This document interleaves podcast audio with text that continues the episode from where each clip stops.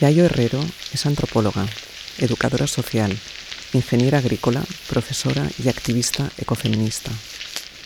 A través de sus múltiples ensayos y su práctica ecofeminista, Herrero denuncia las contradicciones del actual modelo de desarrollo capitalista, un modelo insostenible, cimentado en un crecimiento económico continuo que ignora los límites biofísicos del planeta y sus habitantes e invisibiliza todos aquellos trabajos de cuidados y reproducción social imprescindibles para el sustento de la vida. Trabajos que en las sociedades patriarcales recaen mayoritariamente en las mujeres y se mantienen ocultos dentro del ámbito doméstico, quedando así excluidos de reconocimiento y remuneración salarial. Desde la confluencia del ecologismo y el feminismo, Herrero nos recuerda que somos seres ecodependientes e interdependientes y que nuestra vida está instalada en los límites, límites vinculados tanto a la vulnerabilidad y caducidad de nuestros propios cuerpos como a la vida en sociedad, a la escasez de recursos naturales, al cambio climático, a la extinción de la biodiversidad o a la contaminación atmosférica. Por ello, Yayo Herrero reclama la acción conjunta de instituciones, movimientos sociales y ciudadanía, para tirar adelante nuevos modelos de sociedad sostenibles y corresponsables, en los que se redefinan las nociones de producción y trabajo, con propuestas viables en lo biofísico y justas en lo socioeconómico. Sunia habla con Yayo Herrero, sobre las diferentes manifestaciones del ecofeminismo, sobre la gestión política de los deseos, las expectativas y las necesidades, sobre la importancia de los trabajos reproductivos y la necesidad de establecer nuevos patrones de corresponsabilidad social e institucional, y sobre la gestión de los comunes.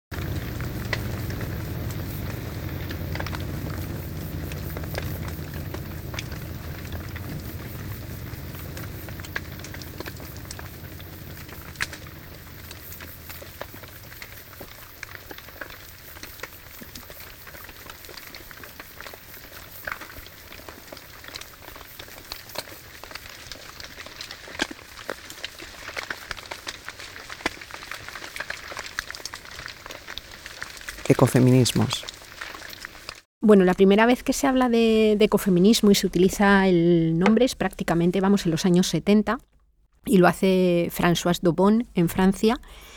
Es la, primera mujer eh, que habla de ecofeminismo y era en un, en un contexto en el que ella lo ligaba a partir de un momento en el que se, acababan de publicar el informe sobre los límites al crecimiento, en el que hablaba de que la población humana tampoco podía tener una extensión eh, permanente, es decir, no podía tener un crecimiento también permanente.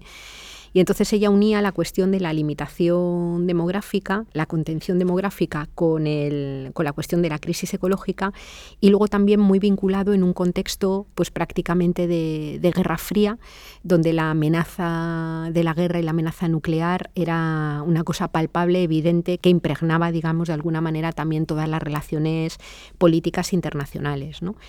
A partir de ese momento han ido surgiendo efectivamente ecofeminismos. Es verdad que yo suelo hablar de, ecofeminismo porque habitualmente, sobre todo en las exposiciones, las conferencias o las charlas, estableces como de punto de partida los diferentes ecofeminismos que hay y luego te sitúas en uno. Pero también porque yo creo que en el plano, en el plano práctico de luchas políticas aunque vengan de epistemologías, por así decir, diferentes, en el plano práctico es mucho más fácil encontrarse. ¿no?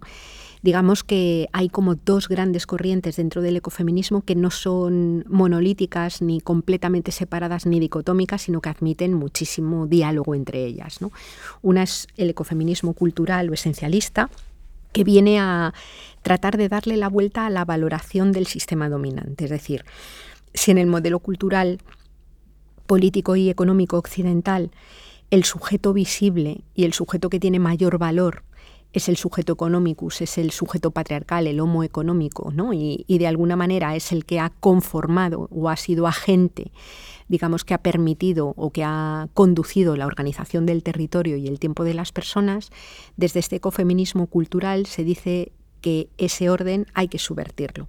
Es decir, que lo que tiene valor lo asociado históricamente o generacionalmente con lo femenino, que las mujeres están más cerca de comprender la vida y más cerca de poder entenderla y gestionarla puesto que son quienes dan la vida y quienes están en contacto con ella, es decir, eh, se liga mucho y de alguna manera se ritualiza enormemente todo lo que hay alrededor de la maternidad como algo sagrado, ¿no? Y se establecen como una especie de vínculos sagrados, no en el sentido mm, sagrado religioso, sino en el sentido antropológico, ¿no? De las mujeres con la tierra y de la capacidad, eh, digamos, germinativa o regenerativa de la vida que sucede en el cuerpo de la mujer, como sucede en la semilla, como sucede en muchos procesos vivos. ¿no? Ese ecofeminismo, por tanto, desvaloriza la aportación masculina y plantea que el problema de mal desarrollo o el problema de guerra contra la vida está directamente relacionado con una cultura androcéntrica que ha colocado la trascendencia, eh, la separación de la naturaleza y de los cuerpos como un principio político eh, que termina organizando una cultura material que directamente destruye las bases materiales de la vida. ¿no? Desde estos ecofeminismos se ha hecho una enorme crítica a la masculinidad, se considera a, los hombres y digamos al patriarcado como un agente, no tanto al patriarcado, sino a los hombres, como un agente negativo eh, y de alguna manera establece ese vínculo y, bueno, le da una tremenda importancia a la, a la maternidad. ¿no? Insisto en que esta postura esencialista está contada a grandes rasgos y de una forma un poco simplificada. Hay mujeres que se encuentran dentro de estas posturas más esencialistas que ni son tan críticas con la masculinidad y establecen otros diálogos diferentes. Dentro de este marco nos podemos encontrar, por ejemplo, los ecofeminismos de la India, muchos de esos ecofeminismos, de algunos africanos, o mm, visiones, por ejemplo, incluso dentro de la teología latinoamericana, como la de Ivonne Guevara en, en Brasil. ¿no? Son unos ecofeminismos que conectan más con ese ecologismo profundo de la santidad de la vida, por así decir. ¿no?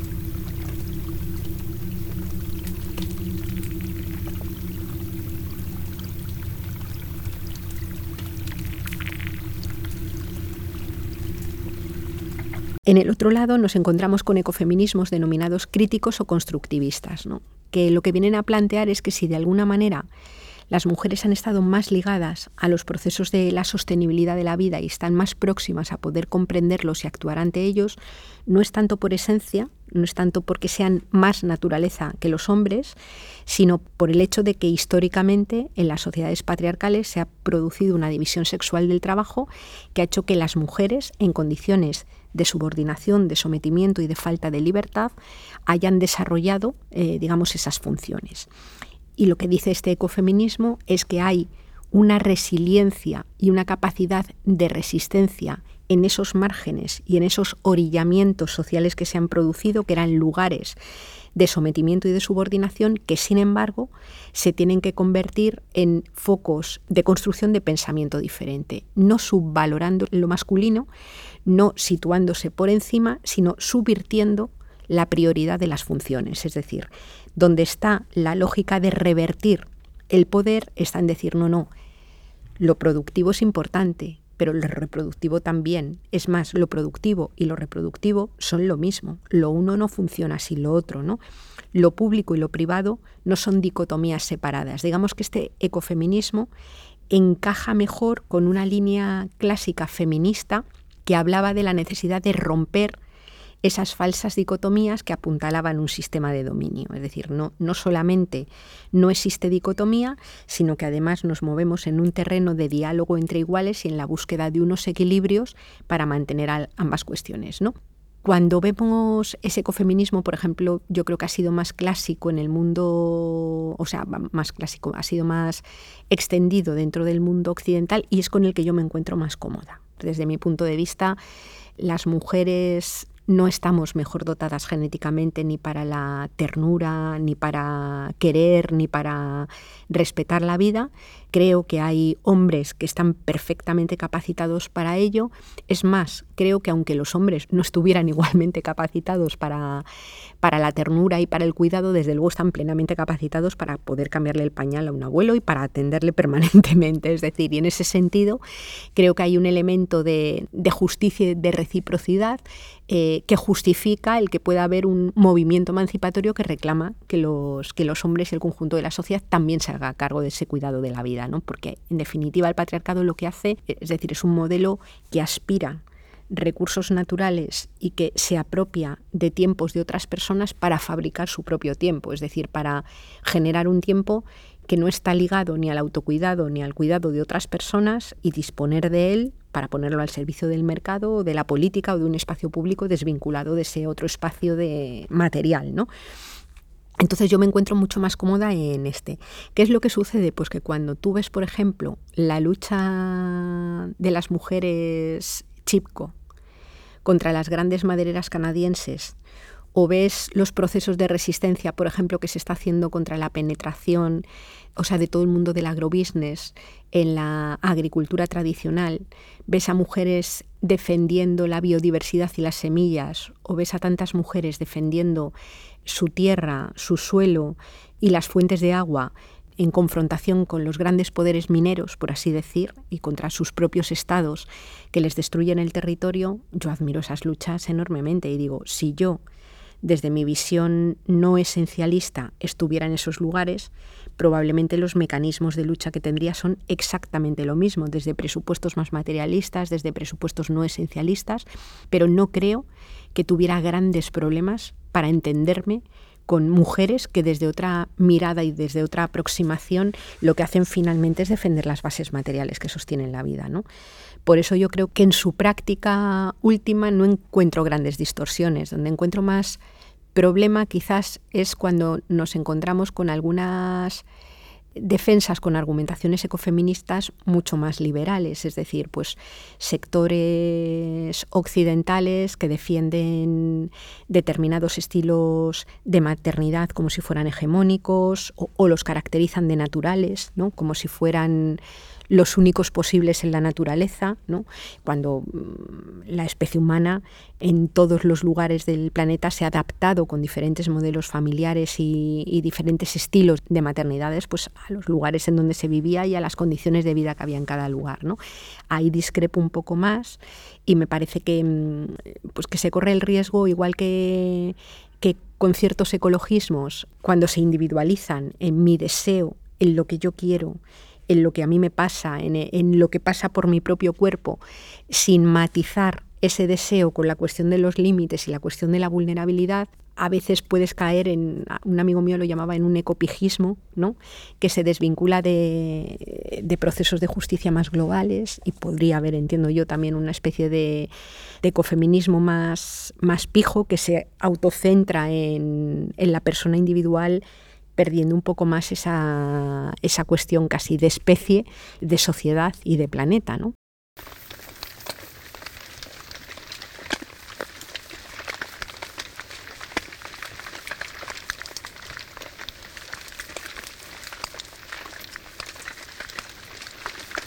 Sostenibilidad de la vida y corresponsabilidad o sea, desde mi punto de vista y tal como yo he interiorizado el ecofeminismo, es decir, que es, que es como, como yo me lo he pasado por el cuerpo y me lo, me lo creo, ¿no? Yo huyo de poner en el centro la categoría mujer lo que quiero poner en el centro es la sostenibilidad de la vida y la corresponsabilidad de todas las personas y de las instituciones para hacerse cargo de esas relaciones de codependencia y de interdependencia. ¿no? Me parece que sigue siendo muy útil la categoría mujer dentro del feminismo porque en el plano del orden de cosas son mayoritariamente mujeres quienes cargan con esa parte del trabajo y pueden conformar en un momento determinado una cierta identidad que permita crear contrapoder para subvertir esa, esa situación. ¿no? Te encuentras, a veces yo lo he hablado muchas veces con, amigas lesbianas, o con amigos eh, gays, ¿no? parejas homosexuales, en las que incluso parejas trans, en donde el requerimiento de cuidado por parte de las generaciones anteriores sigue esquemas muy similares a los binarios hombre-mujer, independientemente de cómo tú vivas tu sexualidad y cómo quieras vivir, eh, digamos, tu cuerpo. Es decir, en, parejas, por ejemplo, de mujeres lesbianas, cuando llega el momento de cuidar a padres, cuidan las dos. En parejas eh, de hombres homosexuales, muchas veces los dos se pueden escaquear si tienen hermanas, ¿no? Y en parejas trans, eh, si tú naciste y te asignaron el papel de, mujer, tienes más presión que, que con otras, aunque en el caso de la transexualidad es verdad que muchas personas trans manifiestan el asombro que produce el cambio de cuerpo y el cambio de identidad, ¿no? Como la relación de poder, me acuerdo de una entrevista que le hacían a Viruta, nos decía, dice, en el momento en el que, en el que adoptas un perfil y un cuerpo de hombre, la relación de poder con lo que tienes alrededor cambia radicalmente. Y él eh, planteaba que en ese momento él se da cuenta eh, de el tremendo, mm, es decir, la tremenda subordinación que tienen las mujeres en tanto que mujeres como proveedoras, digamos, de bienes y servicios en el espacio de lo, de lo doméstico. Entonces me parece que esa categoría para algunas luchas sigue teniendo interés, ¿no?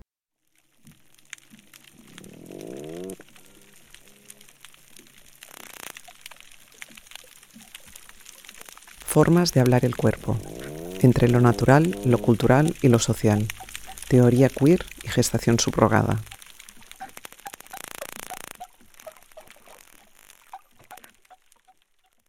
yo creo que la teoría queer aporta miradas interesantísimas, también desde el punto de vista del ecofeminismo y de la cuestión ecologista, ¿no? porque si precisamente uno de los elementos que queremos romper es esa barrera entre lo natural y lo cultural como si fueran completamente distintas, digamos que la teoría queer eh, entra de lleno al rechazo de la determinación eh, de lo puramente biológico y muestra cómo la construcción del género, cómo la construcción de la identidad sexual o la construcción de, la forma de habitar un cuerpo eh, tiene mucho que ver con la, con la cultura y con lo que se determina desde el ámbito cultural. Entonces, esa ruptura de barrera a mí me parece que es un elemento interesantísimo, ¿no? Y de hecho, hay toda una parte del movimiento queer que no se desgaja es decir, que tiene un elemento de reflexión enormemente transversal con otras luchas, con la lucha de clases, con las cuestiones coloniales, étnicas y tal, que a mí es la parte eh, queer que más me interesa.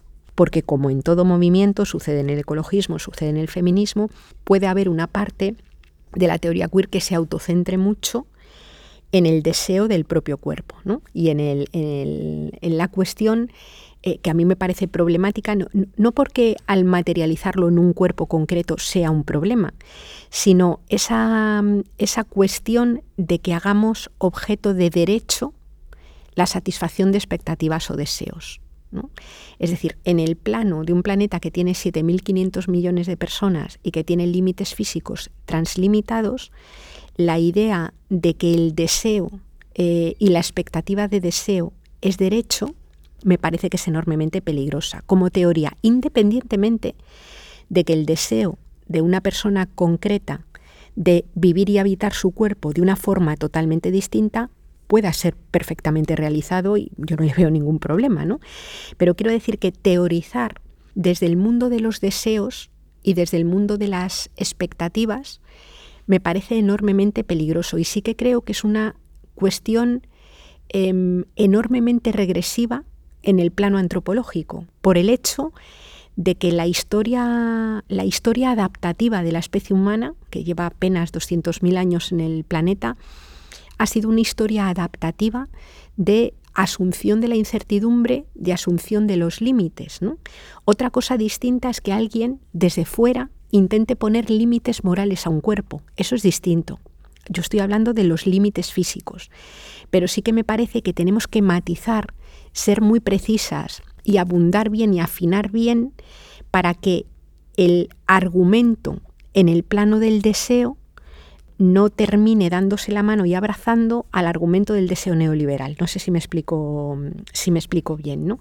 Y esto, insisto, no quita eh, que para mí sea obvio que cada persona debe de poder vivir su propio cuerpo como desea vivirlo. No tengo ningún tipo de duda en ese, en ese aspecto. ¿no? Por ejemplo, en el terreno de los deseos se abren debates muchísimo más complicados y que tienen una multiplicidad de matices impresionantes. Yo no, tengo, no lo tengo nada bien trabajado, tengo pendiente un montón de lecturas. ¿no? Pero, por ejemplo, con los debates que hay ahora mismo con la maternidad subrogada, ¿no? donde dices, claro, hasta cierto punto yo puedo entender que una mujer que potencialmente tiene un cuerpo que le permite albergar el deseo y la expectativa de gestar y parir, pueda sentir una enorme frustración cuando no puede hacerlo. Y creo que socialmente debemos pensar en, de alguna manera, la posibilidad de resolver esa frustración, que por otro lado es el deseo de transmitir tu carga genética. Pero entiendo que en el caso de una mujer, el hecho de gestar y de parir sin caer para nada en el esencialismo, eh, digamos que la gestación y el parto no es un proceso mecánico de un vientre que se hincha y que pare, como si fuera, como si tuvieran metido ahí en una caja que tienes, en una incubadora, eh, como las de los hospitales, un embrión que, sino que se produce un proceso que es emocional y que a la vez es físico, porque nuestra propia evolución ha favorecido ese tipo de procesos porque digamos la afectividad con respecto a lo que tú llevabas dentro ha sido un mecanismo de, posibilidad de progresión de la especie, es decir, de la defensa de eso que tú estabas viviendo, ¿no? como progresión de la especie, resulta más difícil entenderlo cuando te encuentras, por ejemplo, con una pareja de hombres.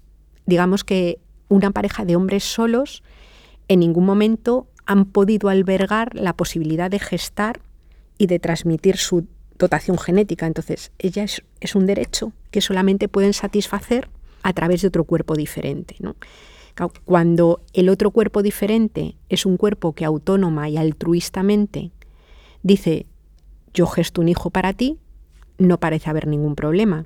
Cuando la relación con la criatura producida pasa a estar mediada por el mercado y se generan, pues como se están generando ahora mismo, pues granjas de mujeres que gestan hijos para personas que pueden pagarlos, allá nos encontramos con otros dilemas, que tienen una multiplicidad de matices impresionantes, ¿no? Y que generan ahí todos esos debates.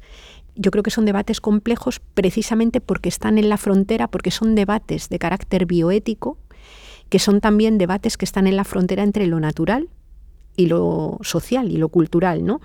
Y en cierto modo creo que es positivo que se den esos debates y que generen conflicto, porque es otro elemento de construcción de puentes.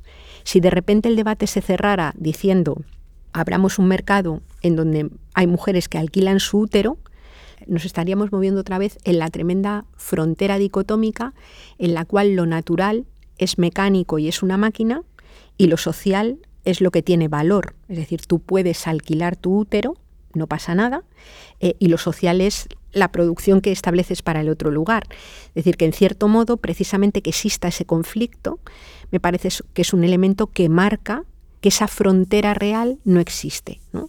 Y ahí de nuevo necesitamos poner en positivo, poner en valor, digamos, esos rasgos de límites y de vulnerabilidad como rasgos antropológicos de existencia, ¿no? y preguntarnos de alguna manera dónde colocamos el mercado, dónde colocamos aquello por lo que se paga o lo que no se paga, ¿alquilas un útero o vendes un hijo producido? E, es decir, son mm, preguntas que creo que nos tenemos que hacer, ¿no?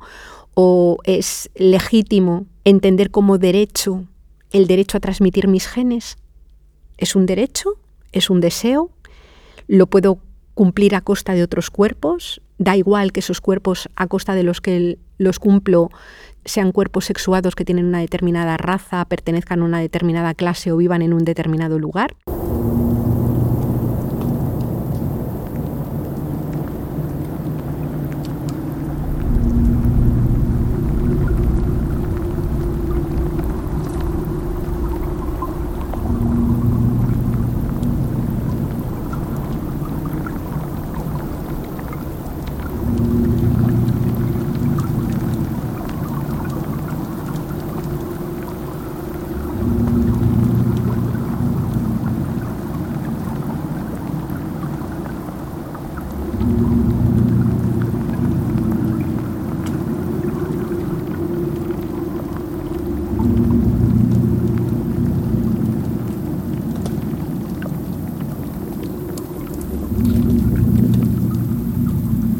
Democracia a escala local. Gestión de derechos, deseos y expectativas.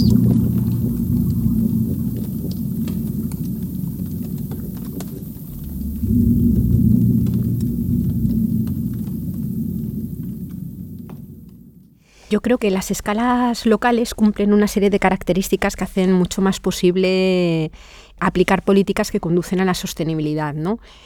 Por un lado, para mí es la escala de la aplicación de la democracia con mayúsculas, ¿no? Quiero decir, en buena medida el desarrollo o el progreso podría ser leído también en términos históricos como un tremendo alejamiento de los lugares en los que se toman las decisiones de aquellos lugares en los que se sufren las consecuencias. De alguna manera, la escala local, en su ámbito de decisión y de aplicación, une o vuelve a retejer, digamos, la toma de decisiones con el lugar donde se viven con lo cual eh, proporciona también las posibilidades de que administraciones y personas administradas puedan tener una interacción mucho más profunda, se pueda dar lugar a una deliberación, a una contestación, a una resistencia y una reconstrucción, pues yo creo que mucho más concreta porque tú estás viendo las consecuencias de determinadas decisiones o estás viendo las consecuencias de determinadas prácticas, sin tampoco mistificar ni esencializar más de la cuenta porque son lugares también de conflicto, ¿no? Pero digamos que yo creo que ofrecen la posibilidad de que haya mejor espacio para la deliberación y el encuentro de las diferentes expectativas sociales y administrarlos debajo del paraguas de los límites, ¿no? que para mí es la clave ahora mismo de la gestión democracia, de la gestión de la democracia, el, el que existen diferentes expectativas y deseos y hay que transformarlas en una eficaz resolución de las necesidades teniendo en cuenta que existen límites físicos y que los cuerpos son vulnerables y finitos. ¿no?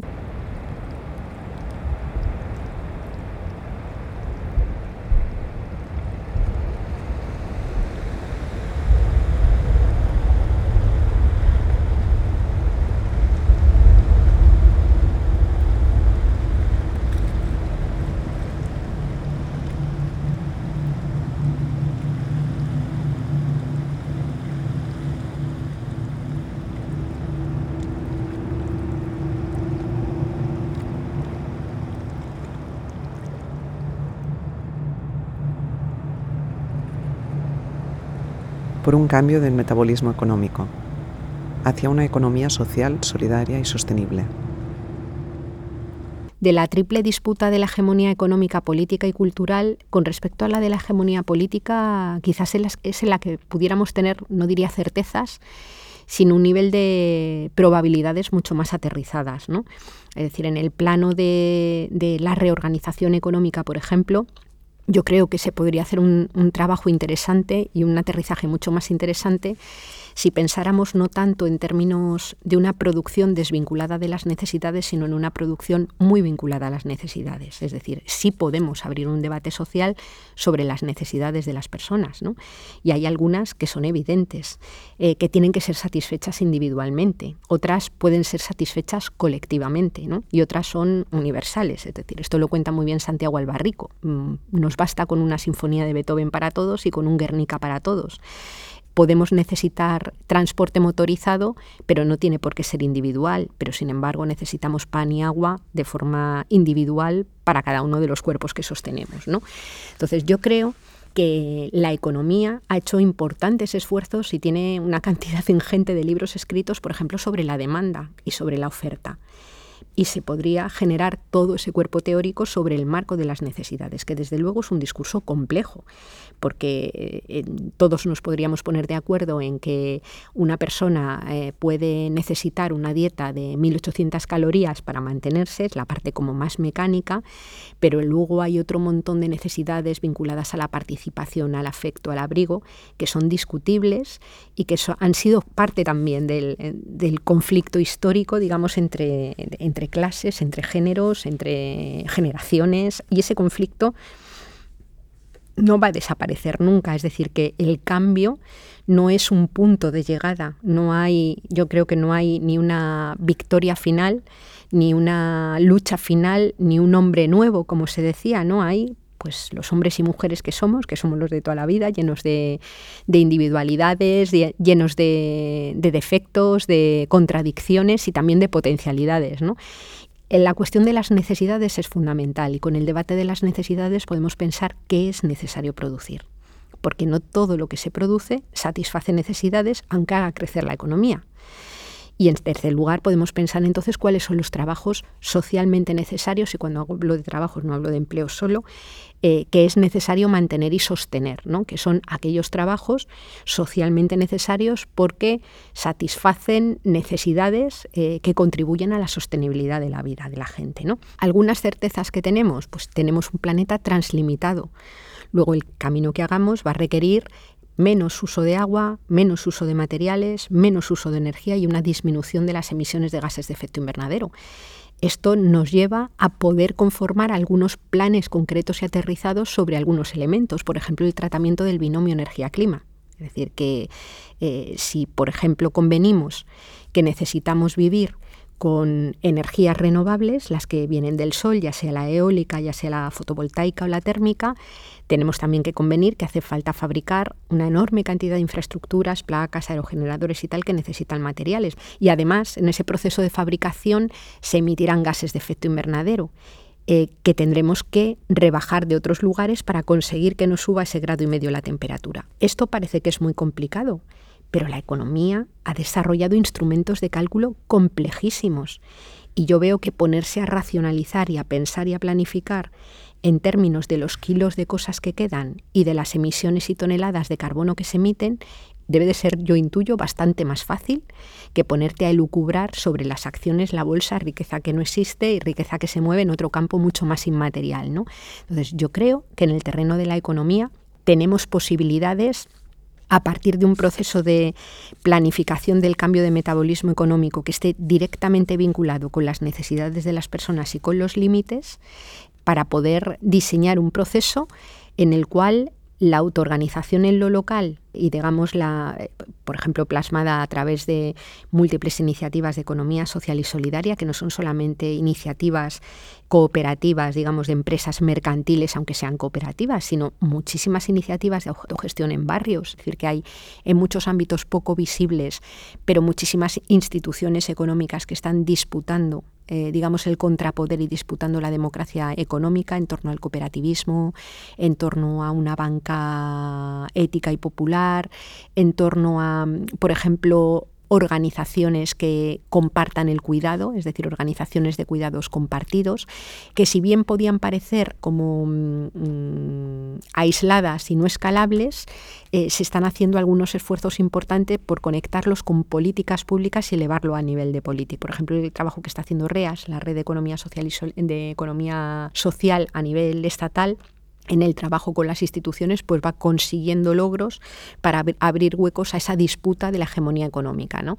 Articular una propuesta creíble eh, y planificada de cambio de metabolismo económico y de hecho hay trabajos en esa línea de cambio de mix energético, de cambio de modelo mm, eh, de transporte, de eh, reconstrucción, valga la redundancia, de todo el sector de la construcción, apostando por la rehabilitación energética de edificios, toda la cuestión que tiene que ver con la ordenación del territorio, las estrategias para generar un tejido rural vivo y relocalizar la producción de alimentos de manera que hablemos más en términos de bioregiones y no tanto de dicotomía campo-ciudad, que es otra de estas dicotomías culturales que se ha establecido, el feminismo atravesando todo eso, porque cuando nos metemos en la desertización del campo, es decir, de la huida de las personas del campo a la ciudad, toda la cuestión del patriarcado juega un elemento central. Quienes primero se escapan de los pueblos son mujeres porque son espacios de socialización muy estrecha para ellas, ¿no? de socialización en la puerta de casa y con una carga y una, una obligación de cuidado no compartido, eh, donde terminas viendo a viejitas en pueblitos súper mayores ocupándose de varios dependientes alrededor en unas condiciones tremendas. ¿no? Es decir, que en ese campo, eh, pesquería, en la agricultura, en la industria limpia, hay trabajo elaborado, ¿no? hay trabajo elaborado que hay que sistematizar y hay que aterrizar.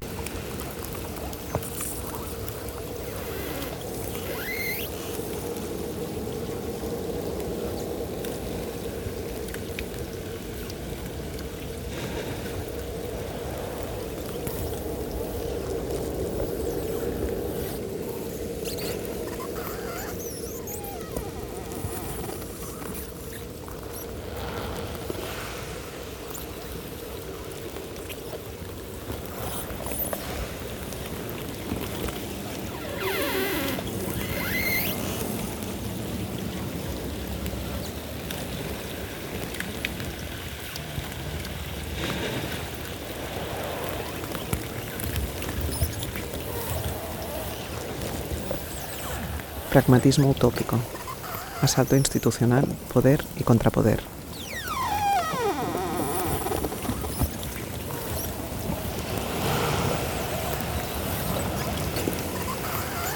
Yo creo que la cuestión más compleja la tenemos en las relaciones con el poder. Es decir, que realmente para mí la clave de la disputa está en la disputa del poder y en la disputa de la, de la hegemonía cultural. ¿no? Yo coincido con Miren en que el asalto institucional por sí mismo no resuelve. Es decir, que es muy importante la generación de un contrapoder que, por un lado, impulse los cambios que se quieren hacer a nivel institución, teniendo en cuenta que la institución no solo es la institución política formal, sino que estamos llenos de instituciones culturales, familiares y sociales que también ejercen, eh, forman parte de ese metabolismo social, ¿no? Es decir, aunque nos hemos acostumbrado a que solamente es institucional o solamente es económico, aquello que tiene reflejo en las cuentas del sistema y que está relacionado con su toma de decisiones, hay una multiplicidad de instituciones en el conjunto de la sociedad y una multiplicidad de relaciones no visibles que son absolutamente fundamentales para la sostenibilidad de la vida y para el mantenimiento del metabolismo social, ¿no? que no suelen eh, ser visibles. Entonces ese contrapoder es esencial, pero yo tampoco le quitaría valor a cosas de las que se hacen desde las instituciones. ¿no? voy a poner algunos ejemplos así muy concretos. ¿no?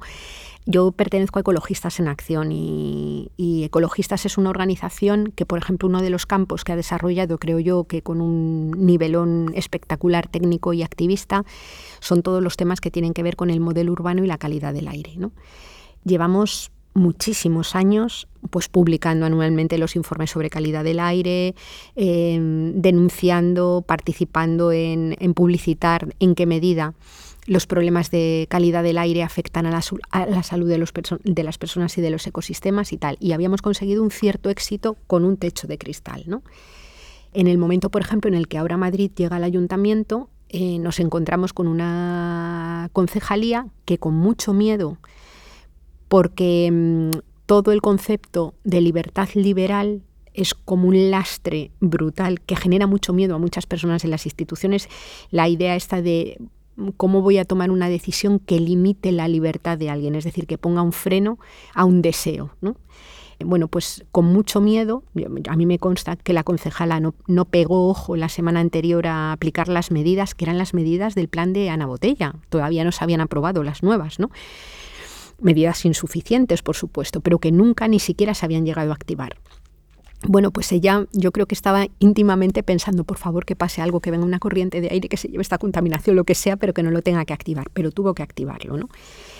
Y claro, desde la institución, eh, digamos, la capacidad de llegada se amplifica a otros lugares muy distintos que desde los desde movimientos sociales, ¿no?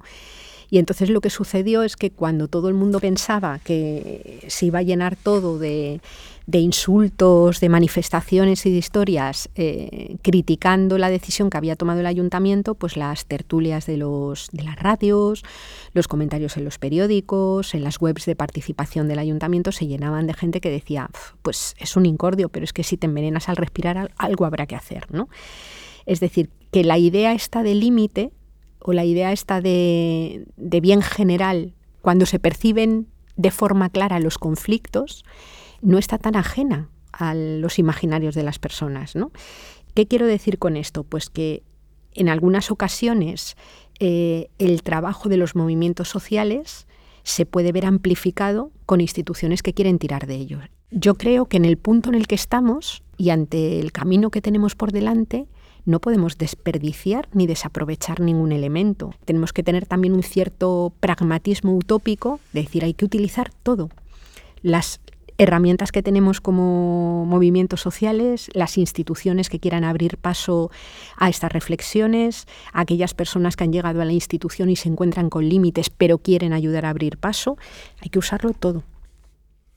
Santiago Albarrico en un vamos, en un par de libros lo ha defendido, pero a mí me gustaba mucho porque decía que probablemente el momento tenga que ser revolucionario en lo, en lo económico, decía el revolucionario en lo económico, reformista en lo institucional y conservador en lo antropológico, ¿no? Conservador en lo antropológico en la medida en que el discurso del progreso o el discurso de la modernización se ha construido en buena medida negando los límites y negando la vulnerabilidad de cada cuerpo, que son dos elementos clásicos antropológicos que han conformado las sociedades, como organización para revertir la incertidumbre y como organización para ajustarte a los propios límites físicos. ¿no? Por eso yo creo que las, las mujeres, el trabajo, por ejemplo, de las, de las mujeres en las sociedades o la aportación de las mujeres es una aportación que continuamente está traspasando esa frontera entre lo natural y lo cultural.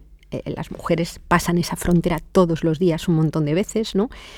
Permite también transgredir la frontera entre el espacio de lo económico y lo que se considera no económico, mostrando que el metabolismo social requiere de los trabajos de reproducción social y sin eso no funciona. El trabajo de las mujeres también permite romper esa lógica entre lo privado y lo político, es decir, se está transgrediendo ese camino completamente. Me parece que la aportación y la visibilización precisamente de sujetos subordinados e invisibilizados como han sido las mujeres permite de alguna manera mostrar que esas fronteras son fronteras ficticias, que no son reales y que más bien que ser un orden natural son una especie de vivisección social que hemos hecho separando lo que no está separado. ¿no?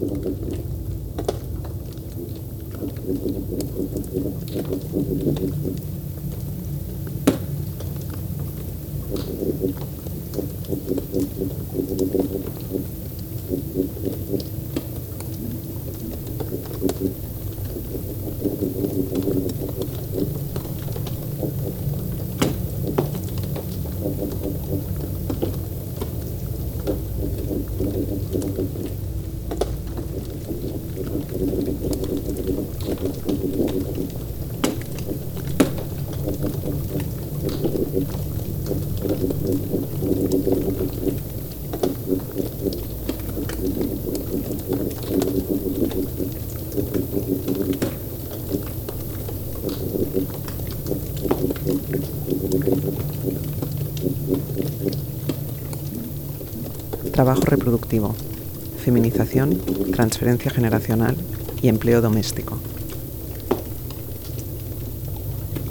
Hay un reconocimiento básico para mí y es que el trabajo reproductivo, a pesar de las transformaciones que tiene, es un trabajo mayoritariamente feminizado, todavía mayoritariamente feminizado. ¿no?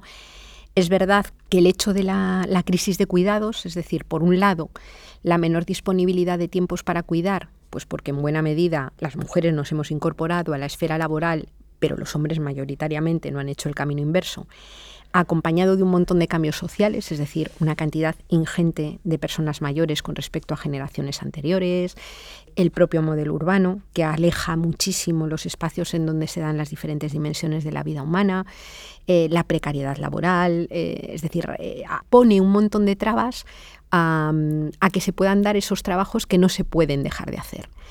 Ante eso, las sociedades occidentales han reaccionado fundamentalmente de dos maneras. Una es la transferencia generacional de cuidados y la aparición y el síndrome de abuelos y abuelas esclavas, en donde las encuestas de uso del tiempo manifiestan que incluso la asunción de ese trabajo es radicalmente distinta. Eh, es decir, hay abuelos que van a buscar al cole o llevan al cole, abuelos que acompañan o dejan de acompañar a casa, pero quienes cocinan, lavan, asean y tal siguen siendo las abuelas, ¿no?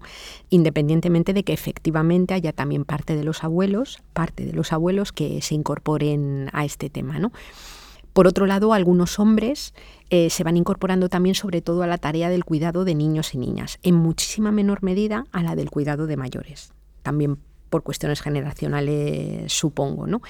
que es donde tenemos un problema enorme, es decir, el cuidado de la población mayor en una población enormemente envejecida y además con las pirámides demográficas completamente invertidas es un verdadero polvorín. Ahora mismo tenemos familias, eh, hace apenas dos generaciones o una generación, familias con tres, cuatro hijos e hijas eh, que tenían que cuidar a padre y madre.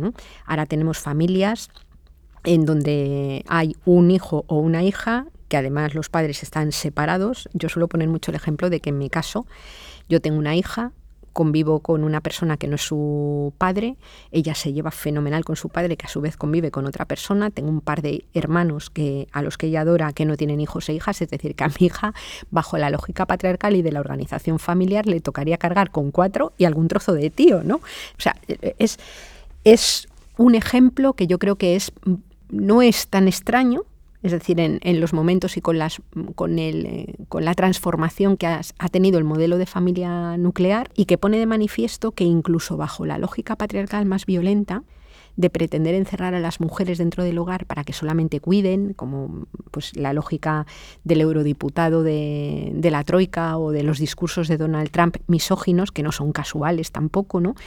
Eh, bajo esa lógica no se va a poder reproducir cotidianamente la vida porque es físicamente imposible el cuidado de, mayores. ¿no? El segundo mecanismo, que no es el de la transferencia generacional de cuidados o que no recae, digamos, en el marco más estricto familiar, es la aparición de todos los mercados de trabajo de empleo doméstico, que no son nuevos, es decir, el cuidado de los descendientes y de los mayores ha sido un cuidado eh, digamos, externalizado por las burguesías sobre todo y la nobleza desde hace muchísimo tiempo y ha sido un trabajo fundamentalmente migrante, primero de las chicas que iban de los pueblos a servir a las ciudades, ¿no? y luego posteriormente de las migraciones ya transnacionales, ¿no? y hay muchas mujeres cuidando que vienen también de los mismos lugares que las materias primas que sostienen el metabolismo económico. ¿no? Y ese es un trabajo esencialmente feminizado, o sea, es abrumadora mayoritario el trabajo de las mujeres en esa esfera del empleo doméstico, en residencias, en casas, en hospitales, en las tareas más directamente relacionadas con los cuerpos y sus secreciones, por así decir. ¿no? Me parece que desde un punto de vista feminista hay que seguir poniendo el foco en que son trabajos mayoritariamente feminizados, aunque sea muy de celebrar que haya algunos hombres que se, que se incorporen. ¿no? Yo creo que la corresponsabilidad es un tema central, superando completamente la noción anterior de conciliación, que venía a ser un poco como una especie de ñapa que se hacía en el mercado para resolver una anomalía, y era que hubiera una mujer más bien una persona trabajadora empleada que tuviera obligaciones que fueran más allá de la de acudir a su puesto de trabajo y, generar plusvalías, por así decir. ¿no?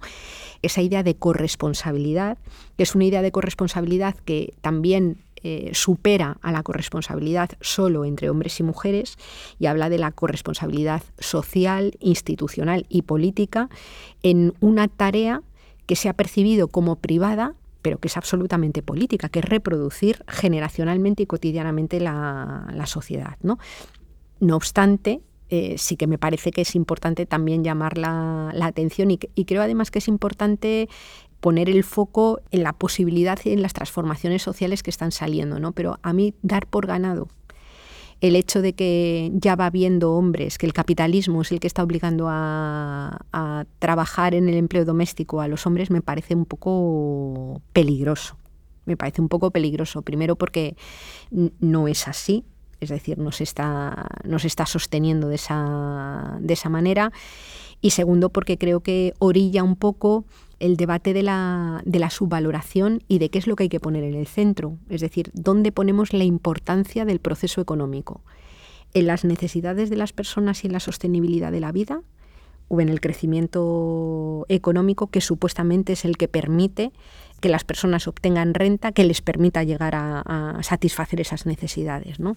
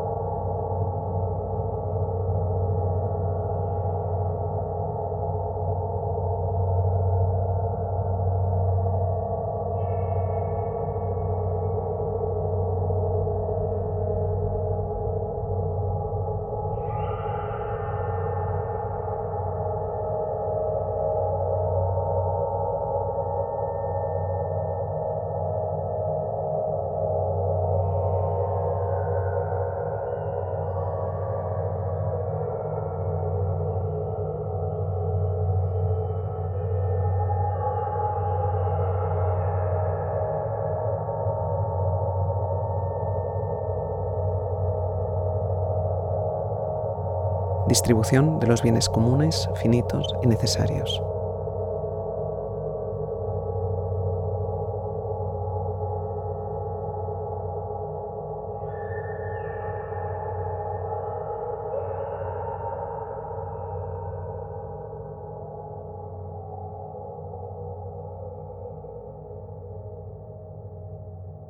La organización en torno a comunes fue desprestigiada por el ámbito de la economía neoclásica, señalando que, y hablando de la tragedia de los comunes, eh, señalando que de alguna manera algo que era de todo el mundo, algo que no era objeto de una propiedad individual, de ninguna de las maneras podía ser cuidado, con este presupuesto antropológico egoísta de que nadie cuida o hace ningún esfuerzo que no revierta directamente en su propio beneficio. ¿no? Este asunto que antropológicamente es desde luego enormemente discutible y biológicamente ya es eh, radicalmente desmentido, es decir, viendo simplemente cómo se han organizado no solamente la especie humana, que es la que mayor capacidad de socialización tiene, sino otras muchas especies en la naturaleza, bueno, pues este hecho es eh, discutido, por ejemplo, por Elinor Ostrom en su, en su obra. Es curioso que la única mujer premio Nobel que ha existido haya centrado su trabajo precisamente en la visibilización de los comunes. ¿no? Y ella, que no es una mujer para nada sospechosa de encabezar, digamos, ningún tipo de paradigma económico alternativo y transgresor, sí que hace un trabajo cuasi antropológico empírico bastante serio para desmentir esa lógica que se encuentra detrás, ¿no? Y analiza bastante bien algunos rasgos que tienen mucho que ver con la vida en común y que nos lo encontramos en muchos elementos de la vida, aunque no se llamen así. ¿no? Eh, ya lo que viene a plantear es que lo común eh, o los comunes, lo que se organiza en torno a los comunes, suelen ser bienes que son limitados y absolutamente necesarios para satisfacer las necesidades de las mayorías sociales el pasto, el agua, ahora podríamos hablar de la energía, de los minerales, es decir, cada vez entrarían, cuando vas topando con los límites del planeta, cada vez entrarían más cosas en eso que es necesario gestionar por la vía de los comunes, ¿no? Cosas que antes no eran o no se consideraban porque eran abundantes y no requerían ningún tipo de organización, ¿no? Por tanto, los comunes son ese bien finito que es organizado por una comunidad. La lógica de los comunes es que tú no separas el bien de la comunidad que lo gestiona. Los comunes es todo eso. El bien, la comunidad que lo gestiona y que lo gestiona en base a una serie de reglas y a un sistema de sanciones. Y de alguna manera, con ese sistema de reglas y sanciones, esa comunidad intenta garantizar que ese bien cubra las necesidades de todas y todos. Ojo, que no tiene por qué ser que una organización en torno a los comunes sea necesariamente justa y equitativa. Puede no serlo, por eso dentro de los comunes también hay conflicto. El conflicto es por el sistema de reglas y por el sistema de sanciones. Pero a mí lo que me parece importante y extremadamente valioso es el hecho de que lo común, al gestionar un bien que es finito pero es necesario para todo el mundo, define un sistema de reglas que ya no son reglas individuales que ya no hacen que cada persona individualmente se relacione con el bien, sino que son precisamente las relaciones entre las personas las que gestionan ese bien. ¿no? En ese sentido es en el que Silvia Federici decía las mujeres han funcionado como bienes comunes, son más bien su capacidad de gestar y de, y de cuidar. ¿no? Eran una propiedad que era gestionada con arreglo a un sistema de reglas, las de la, la sociedad patriarcal, y con un sistema de sanciones que castigaban de alguna manera a quien nos cumplía el papel normativo. ¿no? ¿Qué es lo que hace el capitalismo? Eh, romper eso radicalmente. El capitalismo lo que hace es, al reducir el bien a su valor económico, lo que hace es disgregar la comunidad y sus reglas y las personas ya no se relacionan entre sí para gestionar el bien, sino que se relacionan directamente con el bien a partir del dinero. Entonces se pierde todo el marco relacional entre gente que es el que permite conseguir que le llegue algo a todo el mundo que se puedan establecer relaciones equitativas. Porque si tú simplemente compras el bien que es finito, tendrás derecho a acceder en la medida en la que puedas demandar, ignorando incluso que lo que demandas y lo que compras es algo que lo compras en una cantidad que hace que los que están alrededor no puedan acceder a ello. No sé si es un poco trabalenguas, pero es un cambio existencial, pasar de la lógica de los comunes, en donde las relaciones de la sociedad y los equilibrios de fuerza entre la sociedad organizan el acceso a las cosas, a pasar a relacionarte directamente con las cosas a través del dinero.